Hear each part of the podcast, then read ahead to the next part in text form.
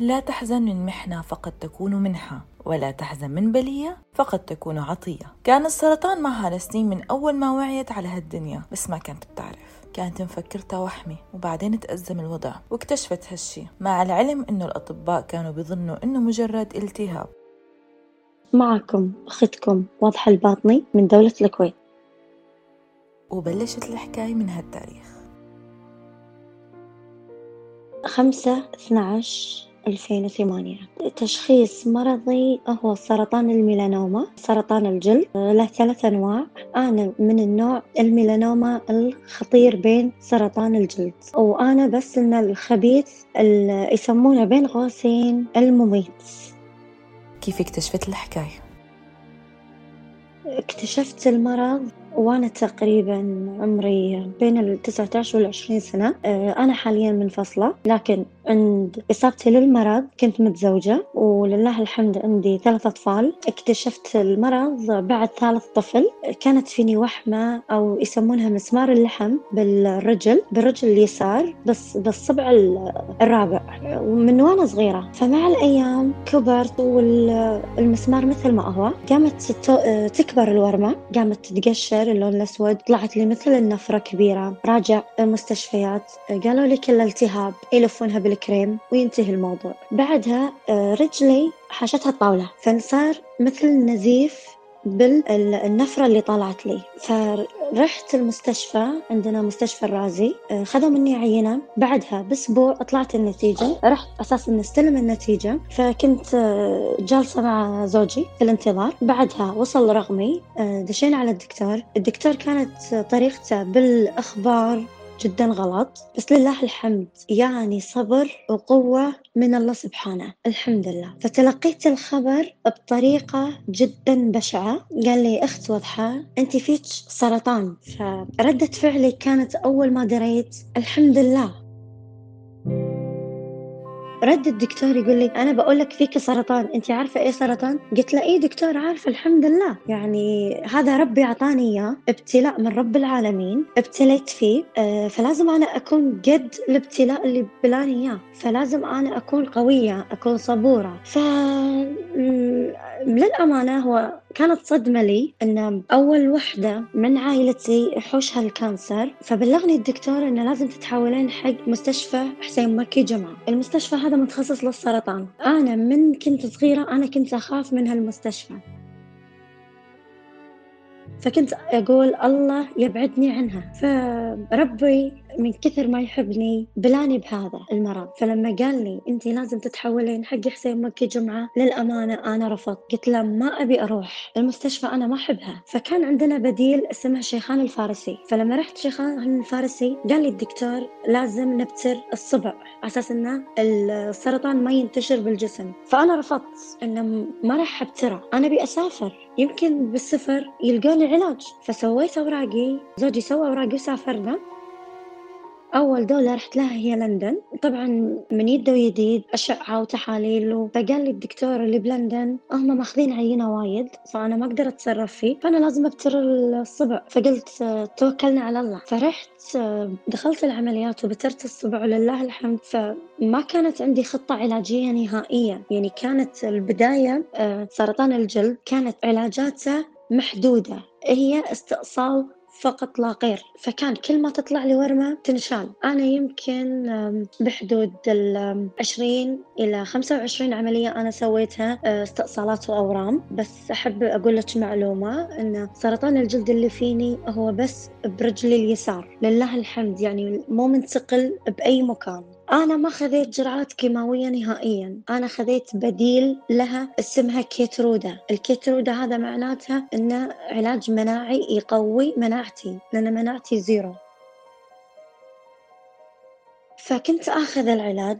طبعا أنا سافرت لندن وأمريكا وفرنسا. فرنسا للأسف كانت برجلي وايد ورمات فما كانت يقدرون يستأصلون منها شيء. فاقترحت علي اقتراح إن أنا راح إن تبطل الشرايين الريل عن الجسم وتقزني إبرة الكيمو وترد مرة ثانية لاربطها مكانهم. فتقبلت الموضوع وقلت توكلنا على الله.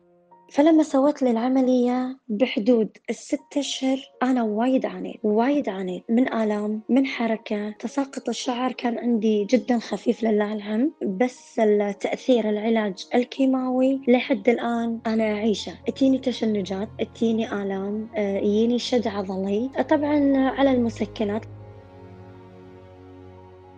بالرغم من أنه تلقت الخبر بطريقة خاطئة وبأسلوب مزعج ضل الأمل ملازمها وضلت قوية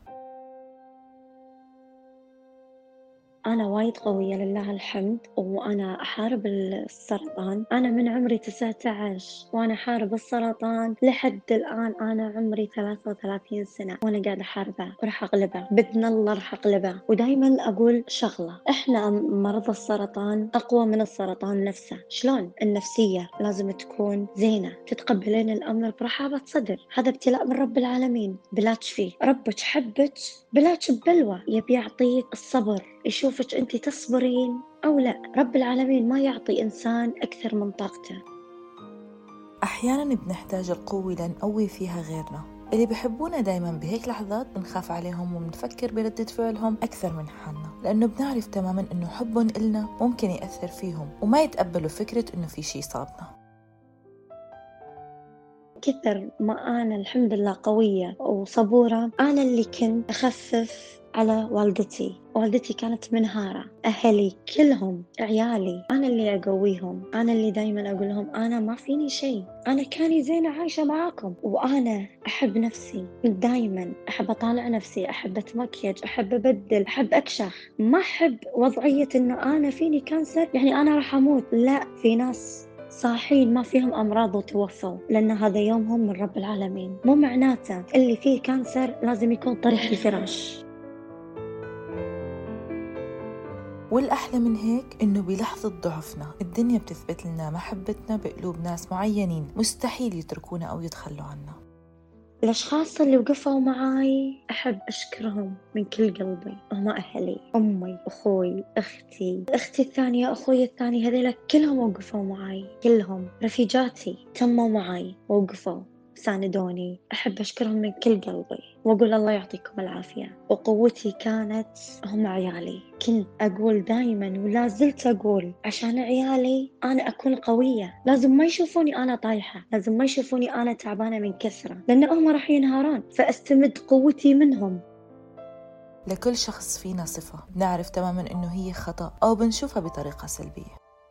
ما أدري هو أنا عندي طبع بس هو مو حلو بس أحب أقوله. أنا لما أتألم أتألم بروحي ما أتألم قدام أحد عشان ما أعور قلوب أنا يجيني عوار عوار لدرجة إن أنا أبكي منه. أنا انهرت مرة واحدة هي الحالة كنت أخذ علاج بالكويت. sorry ما أذكر اسمه حاليا. فسبب لي أورام زيادة. فالدكتور قال لي خلاص إحنا راح نوقفه. واحتمال كبير إحنا نبلش فيك كيماوي. أنا وايد انهرت وايد. رديت البيت مسكت سيارتي قعدت أدعي ربي إنه ما يخليني آخذ ال chemo. مو عشان شيء مو عشان أنا خايفة منه. لا مو عشان أعراضه أنا عارفتها وأنا عايشتها. العلاج الكيماوي له أنواع. أنا آخذ هم نوع من أنواعه. أو بس هو اسمه مناعي. نفس الأعراض نفس التعب نفس الآلام نفس كل شيء. أنا انهرت علشان شغلة واحدة.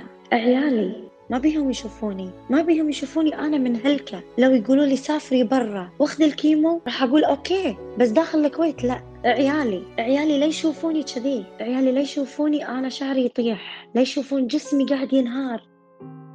بعدها قعدت مع ربي. شلون انت ترفضين شغلة؟ ربك كاتبها لك. بس سبحانك يا ربي. إن الشغلة ال chemo إن أنا آخذها ما صارت. بالعكس أنا سافرت سنة كاملة تغربت عن عن ديرتي وعن أهلي وعن عيالي. ورديت بصحتي وعافيتي الحمد لله يا رب. متشافية متعافية من ال cancer. وعساني دوم أكون متعافية منه ولا يرجع لي. لأن المرض الخبيث اللي فيني يروح ويرجع يروح ويرجع. بس أنا قوية أكون أقوى منه. هو يجيني أنا أهزمه كل ما تجيني أنا راح أهزمك. رسالة هالمحاربة القوية هي؟ رسالتي حق محاربين السرطان أنتوا أقوى والله أقوى بس بالصبر وبالنفسية الحلوة. نفسيتكم دايما خلوها حلوة حتى لو تتعبون تعبوا تألموا بس صدقوني ربي ما يعطينا أكثر من طاقتنا. أبي أقول نصيحة حق الكل مو بس حق مرضى السرطان. يا جماعة الشمس والتان والله خطرين. مرض سرطان الجلد أحدى أسباب التان والشمس. أنا ممنوعة من الشمس حاليا. ما أقدر أطلع بالشمس. لازم أغطي وجهي أغطي جسمي أغطي إيدي أغطي كل ما فيني. والله بعدوا عنه وبحثوا. راح تلقون إنه هو خطير. وإن شاء الله أكون دعم قوي وطاقة إيجابية حق مرضى السرطان. بالرغم إنه بسبب هالمرض تغير كتير أمور بحياة وضحى لكن وضحى بقيت هي هي. وكان هالمرض سبب لحتى تقوى وتتمسك بحياتها. أطفالها وأهلها كانوا ضلوا بحياتها. كان عندها سبب واحد يقويها وهو أولادها. لأنها تذكرت إنها أم والأم دايما بتحارب المرض وغيره لتبقى مع أولادها. روحها وحياتها حلوة وهي حلوة من جوا ومن برا. هاي كانت حلقتي لليوم من بودكاست حكايتي مع السرطان. كنت معكم أنا غداء مراد آغا استنونا بأمل جديد وحكاية أمل جديدة. سلام!